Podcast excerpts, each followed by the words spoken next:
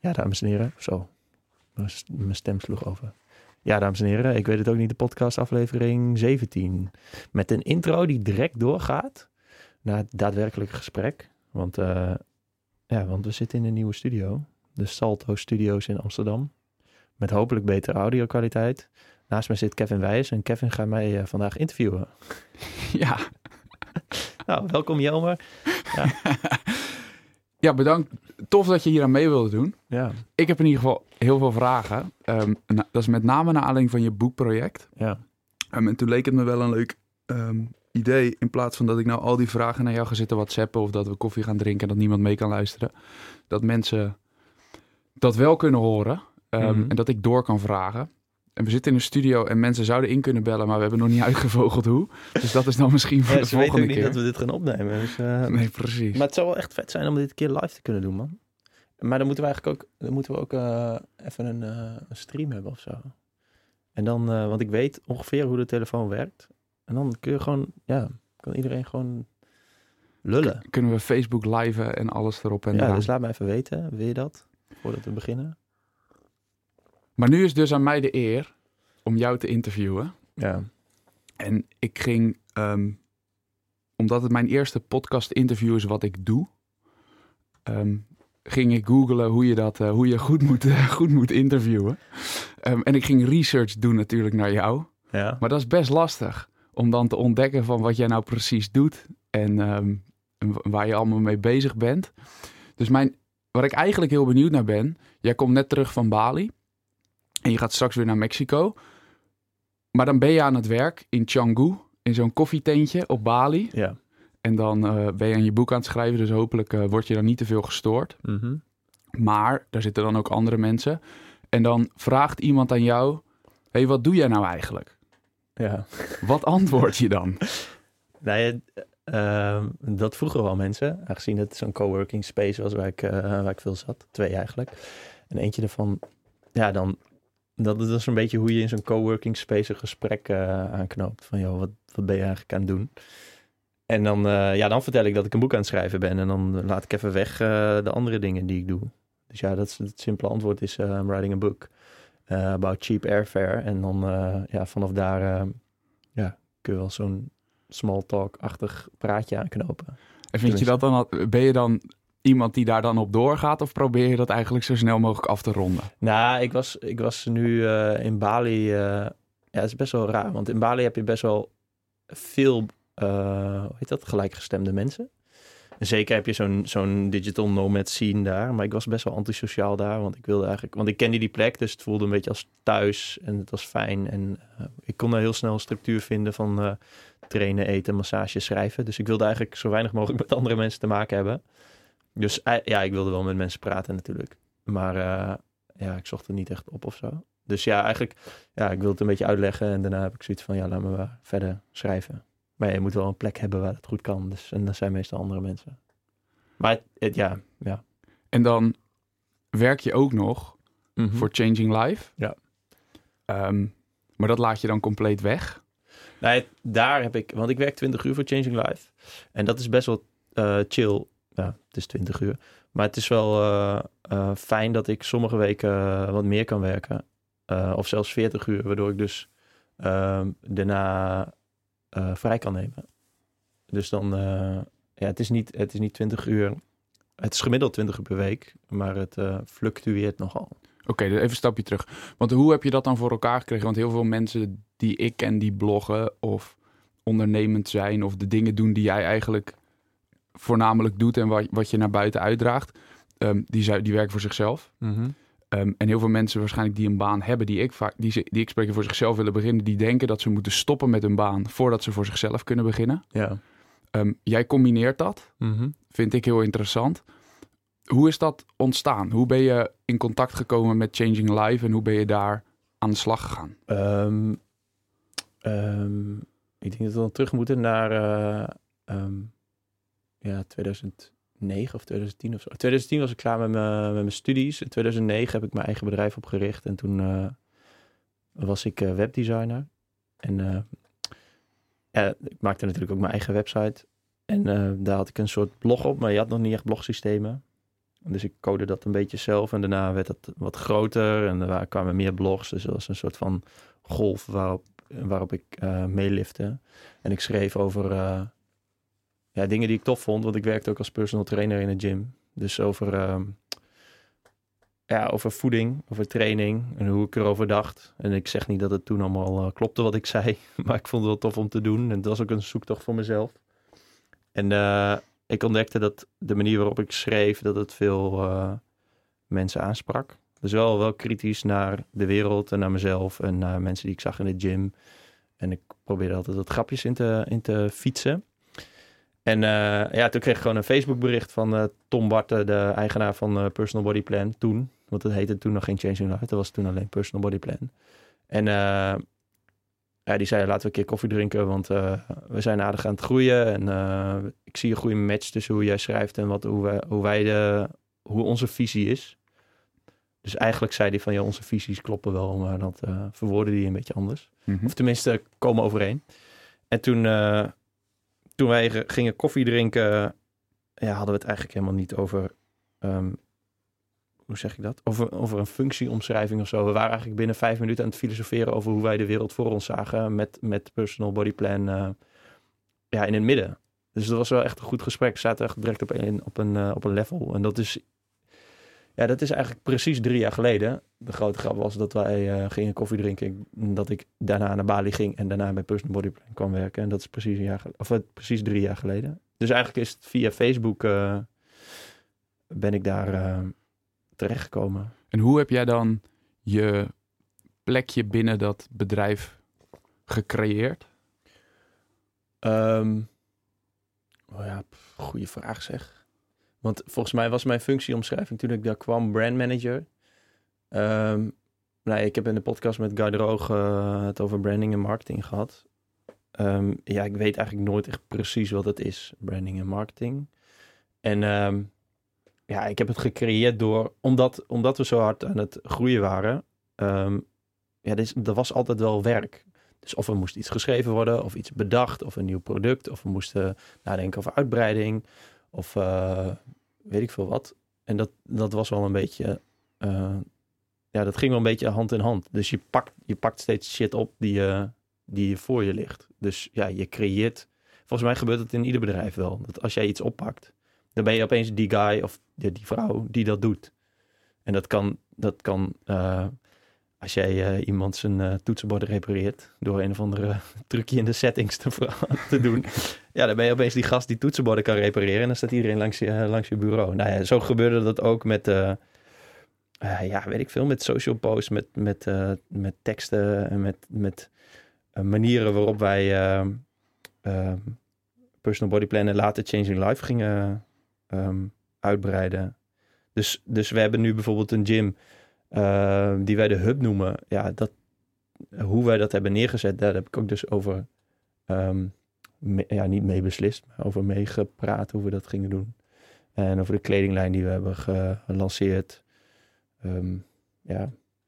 En dan in 99% van de bedrijven waar mensen werken en dingen oppakken en dan dat het groeit en mensen worden steeds drukker, mm-hmm. wordt het heel lastig. Mensen maken dan overuren en kunnen hun vrije dagen niet opmaken. Ja. En jij werkt bij een bedrijf en het gaat hartstikke goed en het wordt steeds groter. En je denkt, nou dan ga ik de wereld rondreizen, want ik wil sowieso elke maand in het buitenland zijn. Uh, ja, klopt. Nee, ik, ik heb wel echt uh, in het begin bij uh, Personal Body Plan heb ik wel echt veel, uh, veel meer. Volgens mij gebeurt het altijd in, bij een start-up. Dan heb ik, heb ik echt wel veel meer gewerkt dan dat er op papier stond eigenlijk. Want ik was altijd mee bezig. En dat was ook helemaal niet erg. En nu is het nog steeds niet erg om ermee bezig te zijn. Maar zo gaat dat. Um, maar aan de andere kant, ja, ik vind dus autonomie heel erg belangrijk. En dat wil zeggen dat ik graag wil doen wat ik zelf wil. Want in het begin was je wel altijd fysiek aanwezig op de locatie waar je moest werken? Uh, ja, meestal wel. Alleen we hadden toen een heel klein kantoortje. En uh, op een gegeven moment zaten er letterlijk mensen op de grond met een laptop tegen de muur te werken. Omdat, ja, dat, dat, dat kon gewoon niet. Uh, er waren gewoon te veel mensen. En, en toen dacht jij, in plaats van dat ik last van mijn rug krijg, ga ik een betere plek vinden nee, om mijn ja, werk te doen. Op een gegeven moment dan is het, uh, voor sommige mensen chill om dan eh, om dan tussen collega's te zitten, omdat je dan snel kunt eh, schakelen. En dat is ook zo. Ja, maar ik, als je iets moet uitdenken, dan is het wel fijn om een ander plekje te zoeken. En eh, wat ik heel erg waardeer aan Tom, is dat hij, Tom Barten dus, is dat hij, dat hij vindt van ja, doe, ja, dat doe wat werkt voor jouw principe, wat wij hanteren bij Personal Body Plan. Dat zegt hij ook tegen medewerkers. Ja, als jij je werk kan doen op een plek ehm, die niet kantoor is, maar je doet je werk, dan is dat prima. En natuurlijk verschilt het wel per functie. Ehm, als jij customer support doet, ja, je kunt je telefoon ook wel doorschakelen naar als je op Tenerife zit of weet ik veel wat. Ehm, maar het is misschien iets lastiger dan als je bijvoorbeeld een project eh, moet uitwerken. En als jij, ja, weet ik veel, stel een collega van mij die eh, UX-designer is en schermen ontwerpt, ja, ik kan me voorstellen dat hij dat best wel op een andere locatie kan doen. Ja. Dat zijn ook juist de mensen die die digital nomad zijn op Bali. Dat zijn ontwerpers en marketeers en Ja, en er zijn ook heel veel mensen die zouden wel graag digital nomad willen zijn. Of Mhm. misschien wat meer thuiswerken of waar dan ook, locatie onafhankelijk. En dan zit je vast in een kantoor. Stel dat je nu in die situatie zat van drie jaar terug. Dus je zit daar veel op kantoor en daar, dat is waar jouw werk begint. Maar jij wilt de wereld rond gaan reizen. Ehm, waar zou je dan beginnen met kijken of je eens wat minder op kantoor zou kunnen zijn? Ehm, maar ik denk dat jij ook wel het antwoord weet. Maar goede interviewer. Nee, maar eh, volgens mij heeft Tim Ferriss er ook al veel over geschreven. Volgens mij moet je dan heel goed eh, overleggen met je werkgever. Daar ben ik trouwens heel slecht in hoor, met, met communiceren. Ehm, dan, dan ben ik opeens weer weg en dan, dan weet niemand dat en zo. En dan denk ik van, dat, maar ik heb dat toch gezegd of mijn vakantie aangevraagd of zo. Maar goed, ehm, volgens mij, ik weet wel in theorie hoe het moet. Volgens mij moet je gewoon heel goed overleggen met je baas en zeggen van, oké, wat zijn mijn taken? Uh, wat moet ik wanneer opleveren? En uh, zou ik dat eens een keer uh, een week op een andere locatie mogen proberen? Want ik heb het idee dat dat chiller is. Ja, het is volgens mij geen enkele baas die... Nou ja, er zullen heel veel managers of, of ja, ik zeg de baas. Heel veel managers zijn die zeggen van ja, maar dat is niet hoe het hoort. En als ik, als ik jou moet vrij of jou die vrijheid moet geven, dan moet ik bij iedereen doen. Maar volgens mij kun je in goed overleg best wel uh, dat doen. Zodra je, zolang je je shit maar af hebt. En hoe regel je dat dan met je collega's? Dus ik haal hem, ik haal hem even naar praktisch. Um, je, gaat, je bent net terug van Bali, dus je bent de hele tijd weg geweest. Mm -hmm. Dan ben je nu even hier. En dan ga je volgende week ga je weer naar Mexico. Ja. Hoe leg je dat dan uit aan collega's? Um, nou ja, in principe vind ik niet dat ik dat hoef uit te leggen. Um, en ook in dit geval, kijk, ik ben vorig jaar was ik echt heel veel weg. Maar dit jaar ben ik, was ik iets minder weg.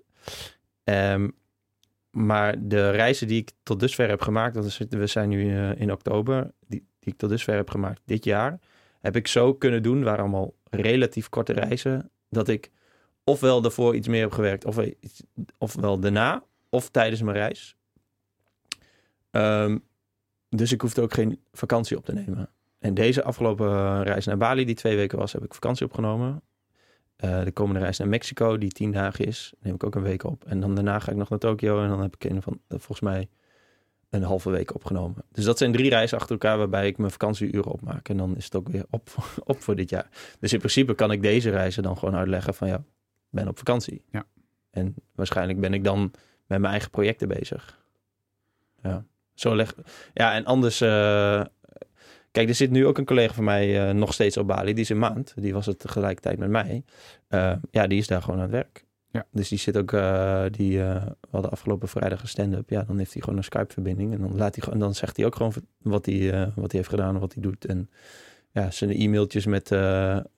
met um, over een project waar we in samenwerken komen ook gewoon binnen. Dus ja... Uh, uitleggen. Ja, weet je, diep van binnen heb ik zoiets van ja, ik, waarom, ja, ik, ik hoef dat niet te verantwoorden aan collega's. Aan de nee, andere kant is het wel handig als ze het weten. Nou ja, de reden dat ik het vraag is omdat ik kom heel veel mensen tegen die denken dat dingen niet kunnen. Totdat je het geprobeerd hebt natuurlijk. Uh. Totdat je het geprobeerd ja. hebt, absoluut. Alleen er moet even een, een, eerste stap zijn dat je dat gaat doen, zodat je dat gaat ervaren. Ja. Um, en ik ben een beetje op zoek naar die trigger. Van hoe, wat is nou de eerste stap die als je dat wil, dus iedereen om je heen heeft daar een mening over. Mm -hmm. En dat je dat toch doorbreekt omdat jij zelf denkt dat iets zou kunnen of zo. Ja, dat vind ik wel een goede vraag. Maar ja, bij mij moet het ook echt. Uh, bij mij, het zit bij mij heel erg diep. Dus dat ik, dat ik, ik doe graag shit alleen. En dan doe ik het ook het allerbest. Ik, ik kan ook niet heel goed werken.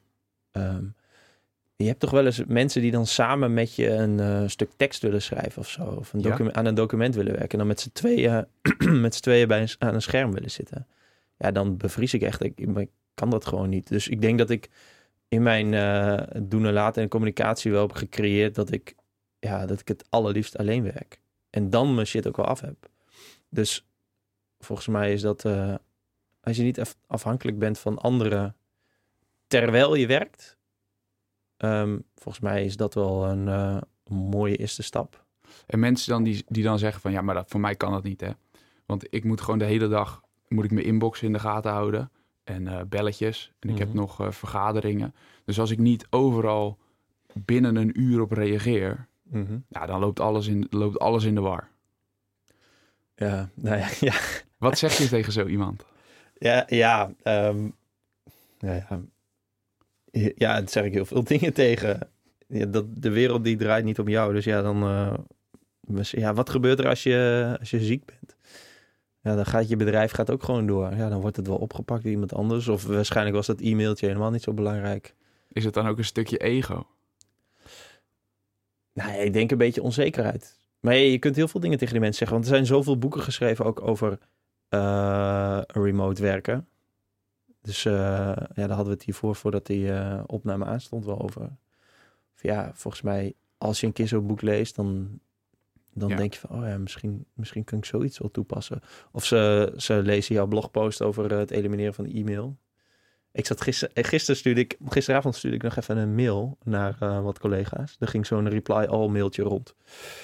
Maar ik vond het heel interessant, want mensen hadden wel echt, stuurden toffe shit naar elkaar. Toen dacht ik, wow, ik kan me echt niet herinneren wanneer ik voor het laatst een mail heb gestuurd. Dus ik ging terugscrollen en behalve van, behalve het afwijzen of accepteren van de calendar items, was het 26 juni. Nou, het is nu eh 16 oktober. 26 juni was de laatste, dus Maar jij bent wel iemand die als je iets hoort of ergens je aan irriteert, dat je actie onderneemt om te gaan kijken hoe je het kunt veranderen. En dat je mensen om je heen gaat vragen van joh luister ik loop hier tegenaan. Of dat je weet van die heeft iets gedaan. Bijvoorbeeld in dit geval met mij met stoppen met e-mail. En dan ga je Mhm. mij vragen van hoe ben jij gestopt met e-mail. En dan ga je dat vervolgens zelf ook ja. uitproberen. Ja, maar dat komt omdat er allemaal al een kleine frustratie zit. Kijk, ik wil, ik wil me... Het probleem is dat de wereld zo knettersnel verandert. En dat ik de hele tijd op zoek ben naar de... Naar, naar een eh, fijne... Of, nee, ik ben op zoek naar een... eh, een relaxte staat van zijn in die wereld. Maar die wereld verandert de hele tijd. Dus ik moet ook de hele tijd proberen hoe ik me zo relaxed mogelijk kan voelen in die wereld. Dus als ik, als ik zeg maar iedere dag ehm, ja, het heel klein beetje stress krijg van e-mail. Dus ik krijg, bijvoorbeeld krijg ik ehm, vragen van mensen via, via een e-mail binnen. Dat ik denk, ja, oké, maar dit kan dus veel sneller als je gewoon met elkaar aan het chatten bent of zo. Ehm heeft het zo'n domme e-mailfooter die je gewoon iedere dag leest. Denk je, eh, hoezo? En eh, hey, hoe is het? Goed weekend gehad? En dan een hele dikke vraag. Yo, dude, stuur gewoon een ehm, WhatsApp bericht en dan kan ik daar direct op antwoorden en dan hebben we hetzelfde bereikt. Of ik krijg e-mails van met persberichten van events waar ik helemaal niet naartoe wil, van merken die ik niet wil. Ja, ik, ik heb dan de hele tijd ja, een klein soort klein beetje irritatie. Ik denk, oké, ik heb ja, misschien is dat mierenneuken, maar ik heb een, een leven en ik wil ja, dat leuk inrichten. Ik wil lekker op mijn elektrische skateboard skateboarden. Ik wil boeken lezen. Ik wil toffe dingen doen met toffe mensen. Ik wil lekker slapen. Ge- Ik wil lekkere dingen eten. Ik wil toffe plekken zien. Dat is wat ik wil doen. En ik wil tegelijkertijd mijn geld verdienen met shit schrijven of shit vertellen zoals nu. eh, zodat andere mensen hun leven ook leuker wordt. En ik wil alle andere kut dingen wil ik niet.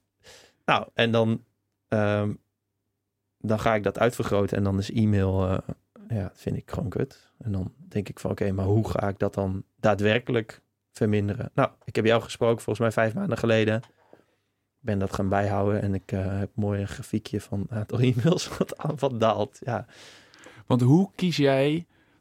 Er is dus ontzettend veel te doen om je heen. Mhm. Ehm, als ik vanochtend met de trein vanuit Leiden naar Amsterdam kom en een stukje de tram en ik ben om me heen aan het kijken waar mensen allemaal mee bezig zijn, dan heb ik honderd ideeën waar ik eventueel wat mee zou kunnen doen. Hoe kies jij de projecten waar je mee aan de slag gaat? Ja, volgens mij heb jij deze vraag al een keer gesteld. Misschien ook wel in die andere podcast. Maar dat vind ik dus heel lastig.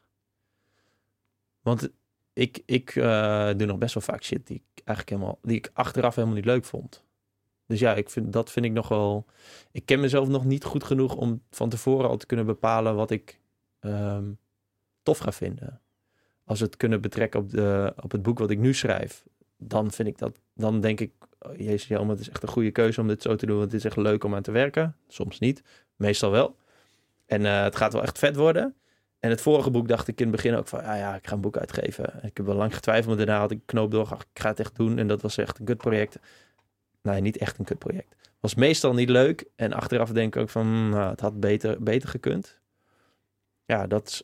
En, en van tevoren had ik hetzelfde gevoel. Dacht ik van, ja, ik ga dit echt doen. En bij dit boek dacht ik ook, ja, ik ga dit echt doen.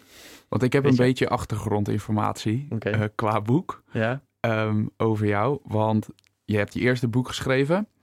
En volgens mij was je al een tijdje aan het nadenken over het vervolgboek. Mm En daarvoor had je toen weer gesprekken met je uitgever. Of met verschillende uitgevers. Nee, dat, dat was alleen bij het eerste boek. Dat vervolg, uh, ik heb niks, niks meer van ze gehoord. nee, nee de, want jij, jij hebt een schrijfopdracht gekregen. Oh nee, nee, dat klopt. Oh ja, dat kan ik wel, dat kan ik wel vertellen, ja. Er was een andere uitgever, niet de uitgever van mijn boek Etaat krijg Sixpack, maar een andere uitgever, die zei, uh, die nam contact op. En die zei, uh, ik weet niet precies wat de juiste woorden zijn hoor, maar ze vonden de manier waarop ik schreef uh, tof. En zij, het leek hen interessant om dat in een romanvorm te zien. Ze, wilden graag dat ik een roman ging schrijven.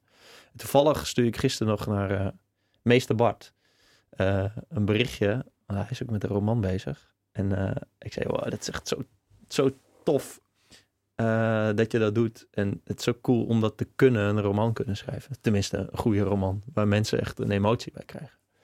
Um, en dat, ja, dat wil ik ook nog steeds, ooit, als ik later groot ben.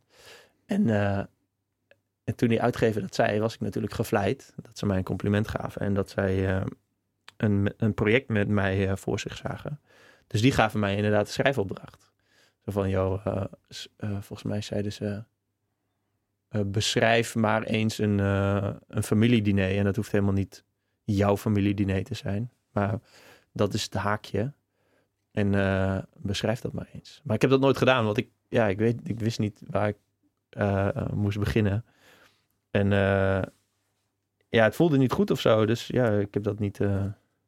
ja, dat, dat project is eigenlijk gewoon helemaal doodgebloed of gewoon gestaakt of gestopt. En, dus dan voelt het niet goed? en dan ga je niet er doorheen worstelen, dan is dat voor jou een teken om te zeggen van oké, dit is het niet. Ja, in dit geval wel. Want ik dacht, weet je, vroeger op de middelbare school zelfs uh, schreef ik uh, verhaaltjes voor de alternatieve schoolkrant. Gewoon fictieve verhaaltjes met bedachte mensen en zo. En ik dacht van ja, nou ja, als ik dat toen al kon, dan kan ik het nu ook wel. Maar ja, nu op dit moment ja, lukt dat gewoon niet. Dus ik dacht, ja, ik krijg er alleen maar stress van. Dus dan maar niet. Ik wil, eigenlijk een, ik wil eigenlijk een tattoo met, met heel groot nee op mijn arm. Want ik, het, het is zo lekker om nee te zeggen. Te kunnen zeggen. Te mogen zeggen.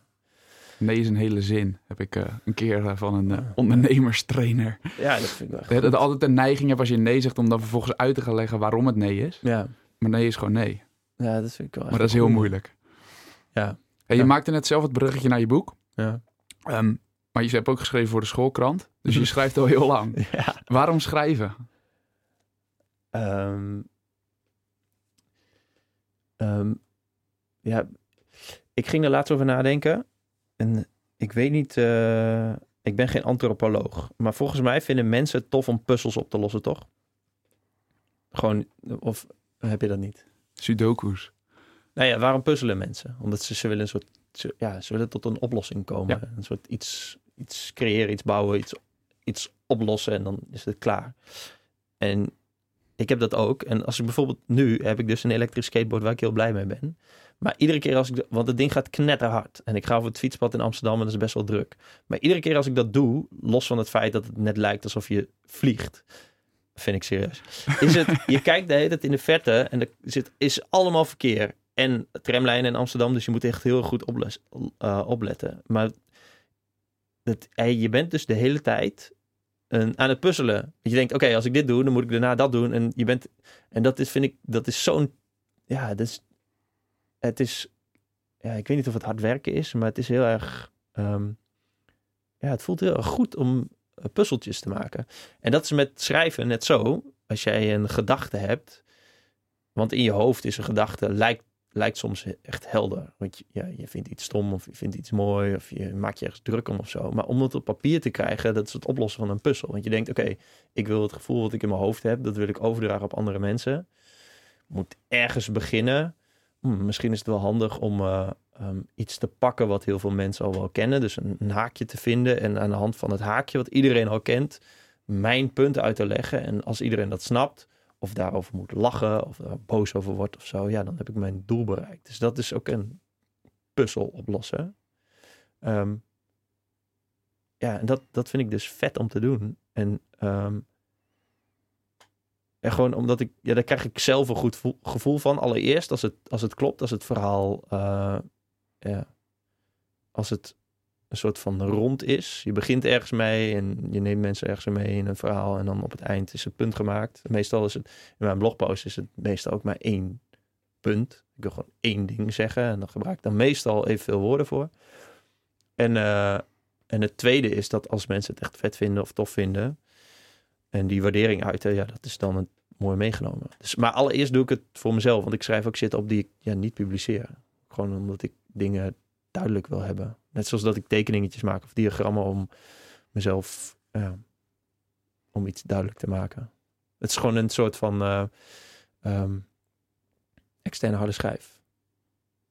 Duidelijk, dus zoiets. Het puzzelen met woorden. Het is gewoon een puzzel oplossen, ja. Zeg je eigenlijk puzzel of puzzel? Ik heb ik denk geen puzzel. idee. Shit, Ik had man, straks week- denken mensen van, ja, maar ik zeg altijd puzzel. Wat- Hoezo zegt hij allemaal puzzel? Dan zegt hij zeker ook auto. Ik zeg altijd paprika. Nee, paprika. Maar andere mensen zeggen paprika. Zeg je ansjovis of anchovis?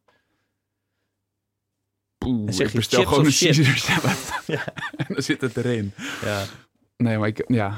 nee, ik weet het niet, eh, jammer. Maar dat is het fijne van schrijven. Dan kan iedereen het lezen zoals dat hij dat zelf wil. Ja. In zijn eigen dialect. Ja, precies. Ja, maar hoe, eh, wat, hoe zie jij dat dan? Waarom doe jij het? Ik, heb, er zijn, ik denk steeds van, ja, ik heb dan een blog en ik eh, ben dan met boeken bezig. En ik vind het tof om shit te typen. En soms bekruipt mij het gevoel van, ja, maar dat heeft iedereen toch? Maar dat heeft iedereen helemaal niet. Nou, maar dat is de reden waarom ik net aan jou vraag van... over dat, dat je werkt bij Changing Life. En jij zegt, ja, dan wordt het heel druk. En dan, maar jij gaat kijken van, oké, hoe kan ik... Ik wil ook graag reizen, ik wil op andere plekken zijn. En Mhm. gaat dat mogelijk maken. Ja. Dat is voor jou heel gewoon, heel normaal... om dat op die manier te doen. Ja, dat is mijn drive. Terwijl Ik wil een chill 99, leven 99% van de andere mensen... Ja, Ja, die is anders geconditioneerd. ja. En die doen het tegenovergestelde. Ja, maar ja, inderdaad. Maar als je, dat is dus het lastige van conditionering. Dat als jij heel lang meemaakt van oké, zo is het zoals het is. En eh, dan ga je misschien denken dat het dan zo hoort. Kijk, en voor mij is het schrijven, is het de, wat, wat je zegt, een idee in je hoofd scherp krijgen op papier. Dat is een hele uitdaging. En voor mij is het ook gewoon altijd een manier om dingen beter te snappen. Dus ik snap Ja, maar voor pas- jezelf toch? ook? Ja, voor je, zo- absoluut voor Ja. jezelf. Ik schrijf alleen maar voor mezelf. Ehm, omdat ik er een soort van vanuit ga. En daarom heb ik misschien ook niet een miljoen volgers. Omdat niet iedereen het leuk vindt om te lezen wat ik schrijf. Ehm, maar ik kan niet schrijven over dingen wat niet over mij gaat. In de zin van of iets wat ik geprobeerd heb. Of, en ik probeer wel heel vaak de ik-ik te mijden in mijn schrijven. Maar dat vind Ja, ik soms niet. lastig. nee, maar dat vind ik ook heel knap. met ik, ja. Maar dat voelt, dat voelt voor mij altijd een beetje... Ja, het gaat niet om mij. Mhm. Ehm, daar moet ik nog een maniertje voor op vinden. Van hoe ik wel kan schrijven over mijn verhalen. Zon, en dat ik ook heel duidelijk maak dat het niet over mij gaat. Maar dat is een ander. En het is leuk dat je weer nu de show probeert te kapen. Jij, Oh, ja. zit, jij zit op de stoel van de interviewer. Ja, Maar- volgens mij zit ik op de... Ik heb de DJ-microfoon. Jij, zit, maar jij zit bij PR, dat is presentator. Ik Kijk. zit bij DJ. Nou, Maar gelukkig goed, ja. wel maar. Hey, maar een blog schrijven is nog wel even wat anders dan een boek. Ja. Of een stukje voor de schoolkrant. Ehm, want in een boek kun je niet zeggen van... oké, ik heb één haakje... en ik doe één verhaaltje en dan leg ik wat uit, want dan heb je te weinig pagina's. Hoe, Ja. hoe start jij het proces van het schrijven van een boek? Waarom wil je überhaupt een boek schrijven? Want je hebt dat één keer gedaan Ja. en een boek schrijven is best een ding. Mhm. Wat maakt dat je nog een keer door dat proces heen wil? Ehm, nou, ik denk dat in dit geval is het eh, ervaren hoe het ook kan. Dat is één ding. Want de vorige keer, zoals ik al zei, ja, het gaf me best wel veel stress. En eh, ik vind, want kijk, ik, krijg- ik Wat heb, gaf jou stress die eerste keer? ehm, Want de eerste keer heb je het gedaan via een uitgever. ja, maar en dat, nu doe je het zelf. eh, deadlines, maar die heb ik nu ook wel voor mezelf gesteld. Ehm, verantwoording aan andere mensen vind ik heel moeilijk. Ehm, die communicatie eromheen. Ehm, sowieso om hulp vragen van andere mensen vind ik fucking moeilijk. Want ik wil het alles zelf doen. Ik denk dan altijd, Oh, dat gaan we nog even aan het einde doen dan. Oké, ja. Maar ja, ehm, ik denk dan altijd me- dat mensen het, helemaal niet chill vinden om iemand te helpen, maar volgens mij valt het wel mee. Ehm, ik, ik, ik kan het niet precies eh, duiden wat ik daar nou niet. Ja, maar misschien heb ik het ook wel uitvergroot nu uiteindelijk in mijn hoofd. Want ik heb het, als ik het over vorige project heb, heb ik het eigenlijk alleen maar over dat ik het niet zo leuk vond. Terwijl, ik bedoel, ik ben wel, ik sta nog steeds achter dat boek. Ik bedoel, dat staat nog steeds. eh, ik zou het iedereen aanraden. nee, maar. Nee, maar het gaat me ook niet om... De, kijk, de, ik, ik geloof eh, duizend procent dat je achter Ja. de inhoud staat. Het gaat me nu ook wat meer om het proces eromheen. Ja, nou, in dit geval, kijk, ik, ik, zag, ehm, ik zag het project van Pieter Leffels, die ook in de podcast eh, hier was. Eh, hij schrijft het boek eh, Make. Hij is heel erg, hij zou het in, in april, toen in mei, toen in juli, nou het is nu oktober, hij heeft het nog steeds niet ge- uitgegeven. Maar hij ehm, schreef dat in Google Drive met allemaal mensen die gingen commenten. En ik zag dat en ik dacht, wow, dit is echt een vette manier om eh, je boek te schrijven. Omdat je dan tijdens het, tijdens het schrijven al ehm, in de juiste richting wordt geduwd. In tegenstelling tot wat heel vaak gebeurt, is dat jij als schrijver, en ik zie het om me heen ook gebeuren, ga je jezelf opsluiten. Ga je eh, helemaal in je hoofd kruipen en alleen met een eh, nou ja, super ouderwetse uitgever een beetje overleggen. Natuurlijk weten zij wel wat goed verkoopt. Ja, dan kom je tot een boek en dan maar hopen dat het goed komt. Dat, is vet raar. Dat is ook helemaal niet meer van deze tijd. Want iedereen heeft altijd contact met elkaar. Zeker ehm, zogenaamde, ik doe air quotes, influencers en bloggers. Die hebben altijd contact met hun eh, lezers. Waarom zou je dan een boek op een hele andere manier doen? Ehm, eigenlijk is dat een beetje arrogant, denk ik. En ik wilde dus graag, ik wilde iets, ik wilde dat op deze manier leren door het ook, door het ook zo te doen. Dus alles, alles open te doen. Net zoals dat ik eigenlijk in het begin toen ik mijn blog had, toen deed ik dat ook. Toen schreef ik gewoon heel vaak wat ik dacht, wat ik voelde, wat ik vond. En dan eh de helft van de tijd sarcastisch, zodat iedereen 100% van de tijd niet weet of ik sarcastisch ben. maar ik was wel heel vaak eerlijk. Ik ben altijd eerlijk, of ik, of ik zeg gewoon iets niet, maar ik ben altijd eerlijk. Dus, en dat wil ik eh, met dat boek ook. Want ik vind dat als je je kwetsbaar opstelt, dan krijg je dus ook heel veel terug. Mm, En dan ben ik, ja. En soms vergeet ik dat nog wel eens. En dan, eh, eh, ja, dan krijg je dus niet zoveel terug. Maar in dit geval wel. Dus de- daarom wilde ik dat project op deze manier doen. En ik kan me ook wel voorstellen dat als ik een ooit nog, als ik later groot ben, een roman ga schrijven, ja, dan is het proces misschien wel anders.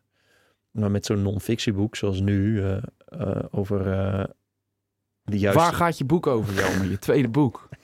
Het heet Thuisblijven is duurder. Het gaat over het vinden van comfortabele, maar wel goedkope vliegtickets.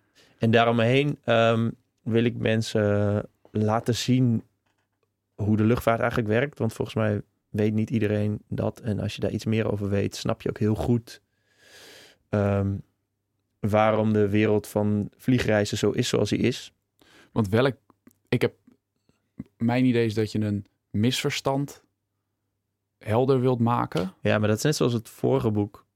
Ehm, dat heet eh Eet taart krijg sixpack. Dat is ook, dat, die titel is ook eigenlijk het, het ehm, uit de wereld helpen van een misverstand. En welk misverstand wil je met dit boek uit de wereld helpen? Dat, eh,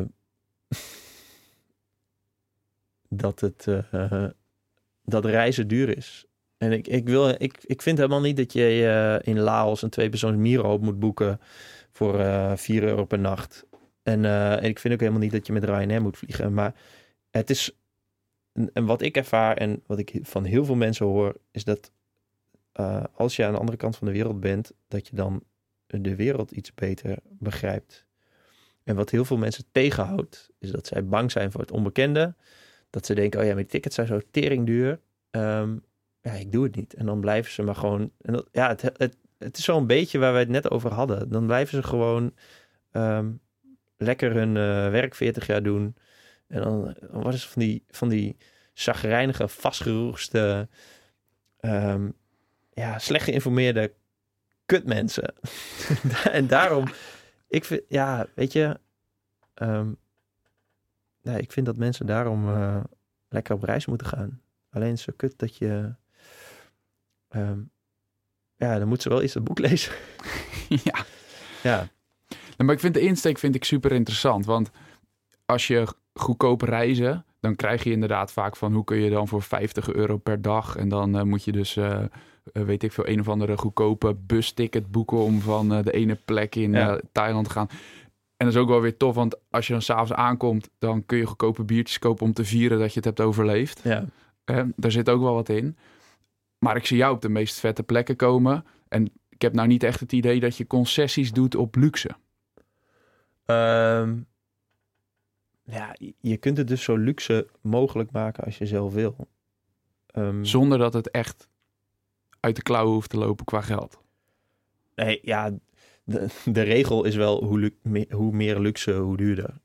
Ehm, dus ja, ja, het, ja, het ligt er een beetje aan. Bijvoorbeeld Bali, ja, ik, eh, ik zat in een guesthouse. Dat was eh 13 euro per nacht. Ja, dat... eh, En dan voor de mensen die nog niet zo vaak gereisd hebben, dan een guesthouse, heb je gewoon een kamer voor jezelf. ja, heb je een kamer voor jezelf met een tweepersoonsbed. ehm gewoon met airco. En het was echt op een, op een echte goede plek. En een badkamer voor jezelf. En koffie en thee 's ochtends. Kijk, En soms een banaantje. Nee, maar ehm, ja, nee, die, die trip naar Bali die ik net, eh, waar ik net van terug ben, dat was echt wel eh, goedkoper dan thuis zijn. Dus je hebt allerlei tips over hoe je dat dan voor jezelf zou kunnen doen. Dus hoe je Mhm. die tickets vindt en hoe je die plekken vindt en Ja. hoe je bepaalt waar je naartoe gaat. Ehm, daarnaast wil je ook nog uitleggen waarom dat dan zo is. Toch? Dus waarom het mogelijk is om voor niet zoveel geld Ja, naar Bali te vliegen. ja. Ehm, kun je daar alvast wat over vertellen? Van, wa- want waarom zijn sommige tickets duurder dan andere tickets? Ehm, ja, daar kan ik wel iets over zeggen. Nou, sowieso is het eh, in al die systemen waarin ehm, prijzen en tarieven worden bepaald, die zijn een beetje oud en zo. Dus er kunnen nogal vaak foutjes in sluipen. Soms heb je dan te maken met een error fare. Eh, nou ja, laatst was in het nieuws dat volgens mij, ik weet niet meer welke online winkel het was, Wekamp volgens mij. Er stond toen een hoogslaper op van 22 euro. En 3000 mensen hadden dat ding besteld, maar dat was gewoon een foute prijs. Dus Wekamp wilde dat niet uitleveren. En er was toen een rechtszaak aangespannen door die groep mensen die hem hadden gekocht. En die wilden hem wel hebben. En die rechter bepaalde van nee, eh, jullie hadden wel kunnen weten dat het een fout tarief was. Dus jullie krijgen hem niet. Nou ja, dat, die sneuwe persoon kun je ook zijn met vliegtickets. Dus het kan best voorkomen dat... Kijk, op ieder moment van de dag... En ik hoop dat ik het goed zeg, het precieze aantal... zijn er 15.000 vluchten, vliegtuigen in de lucht. Er zijn vet veel vluchten. Dus het kan best voorkomen dat er een keer een foutje is. Een fout tarief.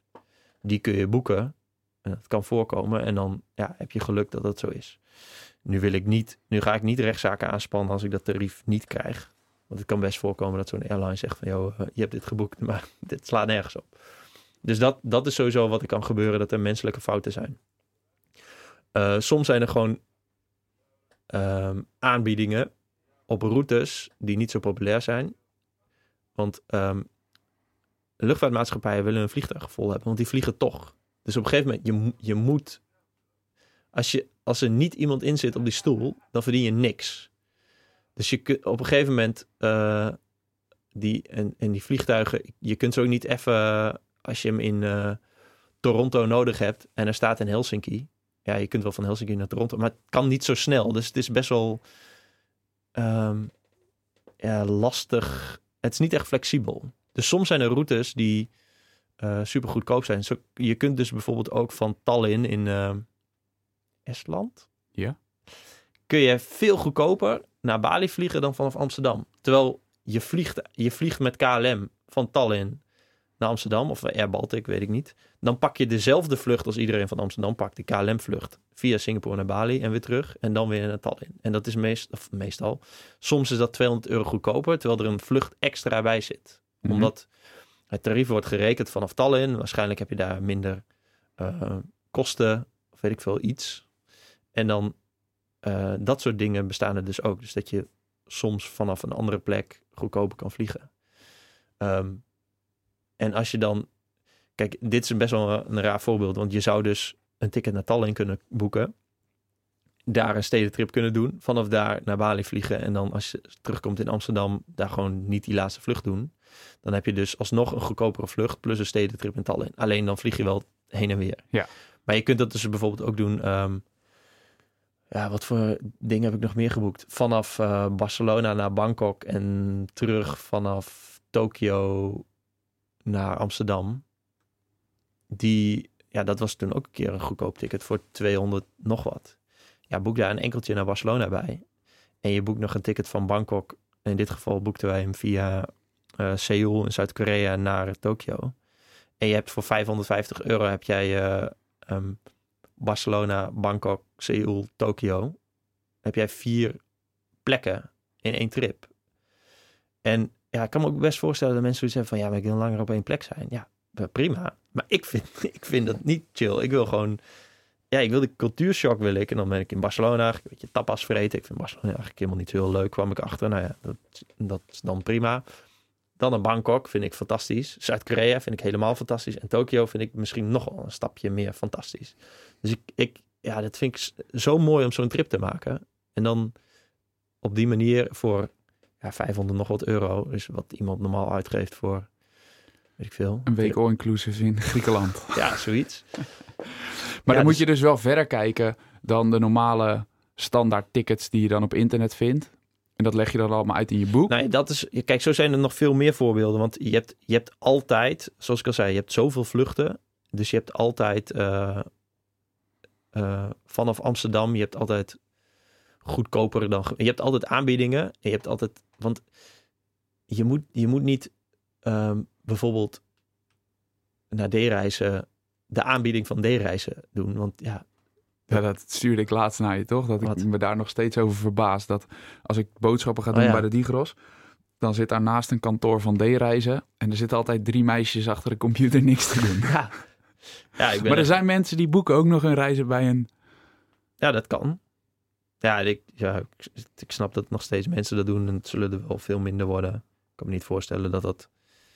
ehm, nee, ik kan me niet voorstellen dat je daar ooit nog een mens voor nodig hebt. Maar goed, om zo'n trip te boeken van Barcelona naar Bangkok... en dan, dan moet je wel... ten eerste moet je weten dat dat kan. Nou, dat heb je nu verteld. Mhm. Hè, dus de- wat dat betreft, eh, dat, is- dat is stap 1. En dan is stap 2 van oké, hoe ga je dan vervolgens dat soort tickets boeken? Mhm. En dat leg je dan uit in het boek? Ja, maar dat is, dat is niet zo eh, spannend. Eigenlijk, in een boek leg ik uit hoe je robotjes bouwt. En dat klinkt veel stoerder dan het is eigenlijk. Want die robotjes vertellen jou... Je, zet alerts aan, je zet alles uit... behalve wat, je, wat jij wil. En wat ik graag wil... ehm, is eh, alles wat goedkoop is vanaf Amsterdam. En dan zie ik dan wel eh, of het past binnen mijn straatje. Of iets wat een airfare het dus zo'n fout tarief is, naar Kaapstad. Stel, er is, ze zeggen ja, vanaf Warschau is naar Kaapstad 100 euro. Ja, dan boek ik die en dan ga ik dan wel eerst naar eh Warschau, zoiets. Of naar, eh, weet ik veel, een business class airfare naar eh, Sydney. Ja, die zou ik ook wel boeken, want dat is chill. Ehm, dus dat. En ja, dat kun je aanzetten, ja, wat je, wat je ook maar wil. Als jij naar Bali wil, dan zet je die aan. En wil je naar iets anders, dan zet je dat aan. En dat leg ik uit. Ehm, en dan krijg je dus... ehm, wat ik dus ook even vervelend vind, is dat je... En dat deed ik in het begin ook. Dat ik al die eh, blogs ging volgen. Die alleen maar van die deals posten. Maar heel, echt 99% was voor mij niet relevant. Dus ik heb alles uitgezet. En ik wil alleen shit zien die voor mij relevant is. En als je dat dan ziet, staat meestal wel hoe je hem moet boeken. En dan, ja, dan wijst het zich vanzelf. Wat doe jij als je in een vliegtuig zit? Ehm, als ik een nachtvlucht heb, dan eh, neem ik een slaappilletje en dan ben ik aan het slapen. En dat werkt altijd, dus dat is stil. En eh, dagvluchten luister ik eh, podcastjes of lees ik een boek.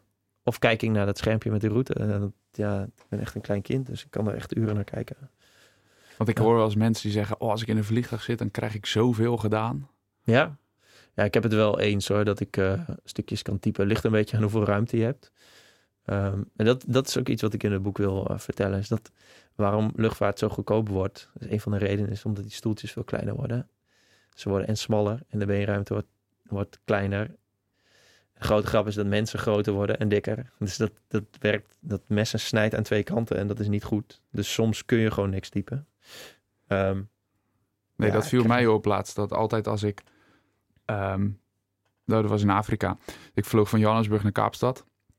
En dan denk je van, nou, kan voor 5 euro kan ik eh, bij de nooduitgang zitten. mhm. Maar dat is eigenlijk heel dom. Want dan zit je tussen alle dikke mensen. Oh ja, ik heb je niet eens minder ruimte. Ja. Maar goed, het was misschien gewoon één keer toeval. Ja, misschien is dat het wel, ja. Hey, en als je dan op die plekken bent, dus dan ehm, als je ergens een paar dagen bent, Ja. pas je je dan aan aan het ritme daar? Of blijf je meer in het ritme hier in Nederland? Nee, ik... Nee, weet je, als je naar het westen vliegt, dus bijvoorbeeld van, eh, van eh, Amsterdam naar New York, dan eh, vlieg je dus mee met de, de dag. En dat is eigenlijk, dan heb je ook al een jetlag, want meestal sta je dan heel vroeg op, dat je dan nog gewend bent. Maar die jetlag is niet zo heel erg, dus dat ritme kun je best wel, je kunt best wel heel goed je dag rekken. De andere kant op is best wel eh kloten. En soms heb ik daar veel last van en soms niet. Maar ik probeer wel de, het ritme van die, van die plek daar aan te houden. Oké. Dus ik probeer me wel steeds aan te passen. Ja, ligt een beetje aan hoe die, eh, hoe die trip is. Hey, en dan ben je daar, of ergens, waar je niet zo gestoord wordt. En dan ga je schrijven aan je boek. Hoe ziet dan een... ehm, hoe zag een dag op Bali eruit voor jou? Ehm, ik eh, sta op en eh, pak mijn scootertje. Dan ga ik ergens een ontbijtje pakken. Wat heel fijn is aan Bali is, ja, je kunt daar zo... Ik hou niet van de term gezond eten, maar je kunt daar echt hele voedzame dingen eten. Echt alleen maar. En eh, ja, dat, dat ging ik dan doen. En eh, ja, gewoon chill. En dan eh, pakte ik mijn... en dan had ik mijn laptopje wel mee. En er waren eigenlijk twee flexwerkplekken op Bali met snel internet. Waar ik dan, een van die twee ging dan naartoe. En dan ging ik even zitten schrijven. Ehm, totdat ik weer honger kreeg. En dan ga ik lunchen. En dan, of nog wat schrijven. Of even naar de gym. Gewoon overdag. Eh, dan kwam ik terug. Bijvoorbeeld bij mijn guesthouse. Waar gewoon ook een zwembad bij was. En dan ging ik daar chillen. Ehm, en dan eh, tot het... eh, ehm, avondeten tijd was. Ja, of een massage of avondeten. Of eh, eerst avondeten, dan een massage. En dan kwam ik terug in mijn kamertje. Ging nog even wat typen. Ja, of ik ging in mijn bed liggen en weer slapen. Wat heb jij Dus- als je echt dingen af moet maken? Shit gedaan moet krijgen, zoals je dat net zei. Heb je dan echt een ritme in je dag? Of doe je dingen wanneer het goed voelt en wanneer het jou uitkomt? Nee, dat laatste meestal. Ik, eh, alleen, alleen hier op Bali eh, ja, was het, dat ritme op was op een gegeven moment heel fijn. Ik weet niet eh, waarom dat opeens zo was. Want meestal, eh, ehm, ja, als ik... Kijk, stel ik ben bij Changing Life aan het werk. En ik ben daarvoor shit aan het doen, aan het uitdenken. En op een gegeven moment, ja, dan lukt het me, lukt het me niet echt of zo. Dan ga ik eh, wat voor mezelf doen. Dus dan, dan, ik houd het ook letterlijk in mijn agenda bij. Dan stopt het blokje met Changing Life werk en dan ga ik wat voor mezelf doen. Ik vind het heel chill om als je twee dingen hebt, dan als het ene niet meer lukt, dan ga je het andere doen. Dat, volgens mij is dat heel erg efficiënt. Mhm. Ehm, normaal gesproken gaat het dus zo. Dus dan ben ik ergens mee bezig, totdat het niet meer lukt, of ik vastloop, of geen zin meer heb, of eh, weet ik veel, zuurstof nodig heb, dan ga ik iets anders doen. En dan, en dan eh, Maar je zei net, daar hou ik dat bij. Daar hou je echt, hou je, echt je uren bij? Ja, maar achteraf. Dus mijn agenda is best wel leeg. En dan, eh, ehm, ehm, ja, ik vind, het, ik vind het heel mooi wat jij zei. Ehm, en dat, daar hou ik me nu heel erg aan. Wat mensen heel vaak doen, beschreef jij, op hun werk, is op het werk komen, e-mail openen. Mhm. En dat, dat is wat ze doen. Dat bepaalt hun dag. En, eh, en, wat ik, en toen dacht ik van ja, wauw, dat doe ik eigenlijk best wel vaak. Check mijn e-mail en dan bepaalt dan zit direct die gedachte in je hoofd. Oh ja, Terry, ik moet dit nog doen. Oh ja, kloten. Deze persoon stuurt mij een vraag. Ik moet daarop antwoorden. Nou, dat doe ik niet. Ik ga gewoon, ik, ga iets, ik, ik sta op. Ik heb in mijn hoofd, eh, wil ik iets doen? Dat ga ik doen. En dan, ja, totdat ik weer iets anders wil doen. En zo, zeg maar. Hm. Ja. Ik weet eigenlijk niet meer wat de vraag was. Maar ik wilde gewoon graag even vertellen dat ik dat, ik dat een hele fijne gedachte vind. Is dat je niet je dag moet laten bepalen door wat er in je mailbox staat. Ik denk dat van iedereen die luistert, mm, ik weet niet hoeveel procent. Maar ik denk dat heel veel mensen nu zoiets hebben van, ja, tering, dat doe ik ook. Waarschijnlijk nog in bed. Het is een beetje om te voorkomen dat je aan het einde van de dag heel druk geweest bent. En niks gedaan hebt wat je eigenlijk zelf wilde doen. Ja, het is toch. Nou, nou, dan komen we toch terug bij het begin van waarom ik doe wat ik doe. Ja, ik wil gewoon. eh, ik wil shit doen die ik zelf wil, omdat ik daar gelukkig van word. Omdat ik, ja, je, doet toch, je doet toch in je leven dingen die, die je zelf wil doen. Ja, zeker weten. Kijk, als je, als je er op die manier naar kijkt, denk ik zeker. Maar volgens mij voor heel veel mensen is het niet echt een optie om dat op die manier te doen, omdat ze die volle inbox hebben. En dan is de gedachte van, dan doe ik eerst, werk ik daar allemaal doorheen, want dan heb ik tijd.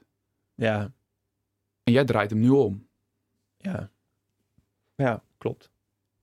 Ja, en oké, en dat doe ik niet. En nou ja, we hebben het erover gehad. Ehm, zorg dat je überhaupt geen mails hebt. is ook wel fijn.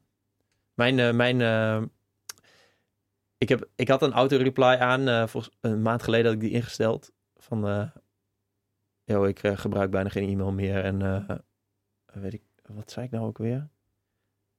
Ehm, als, je me, als je iets van me wil, dan moet je of op Twitter een bericht sturen of op WhatsApp. Maar nu heb ik hem dus, eh, omdat, en dat heb ik ook weer van Pieter Levels, heb ik hem, nu is het gewoon van, yo, deze e-mail kon niet verzonden worden. Ik lees het wel.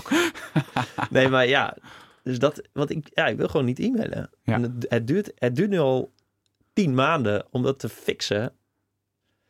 Maar ja, uiteindelijk, het komt er wel. Hey, wat doe je op momenten dat iets wat je wilt niet lukt? Ehm, In dit, eh, laten we even specifiek maken, het schrijven. Ja. Dus je hebt met jezelf afgesproken, oké, ik, ik wil schrijven. En je zit op een deadline. mm, Dus je hebt dan misschien even niet die luxe om van het ene naar het andere dingetje Ja. te switchen. Wat doe je op het moment dat het niet lukt? Ja, dat vind ik, dat is, ja, ik ben 31, daar heb ik nog steeds geen eh, antwoord op. Want de ene keer, eh, ik was op Bali en toen ging het, eh, ging het ook even niet lekker. Toen dacht ik van, joh, wat heb ik nou eigenlijk deze dag gedaan? Ehm, toen ging ik een e-book lezen over hoe je een boek moet schrijven.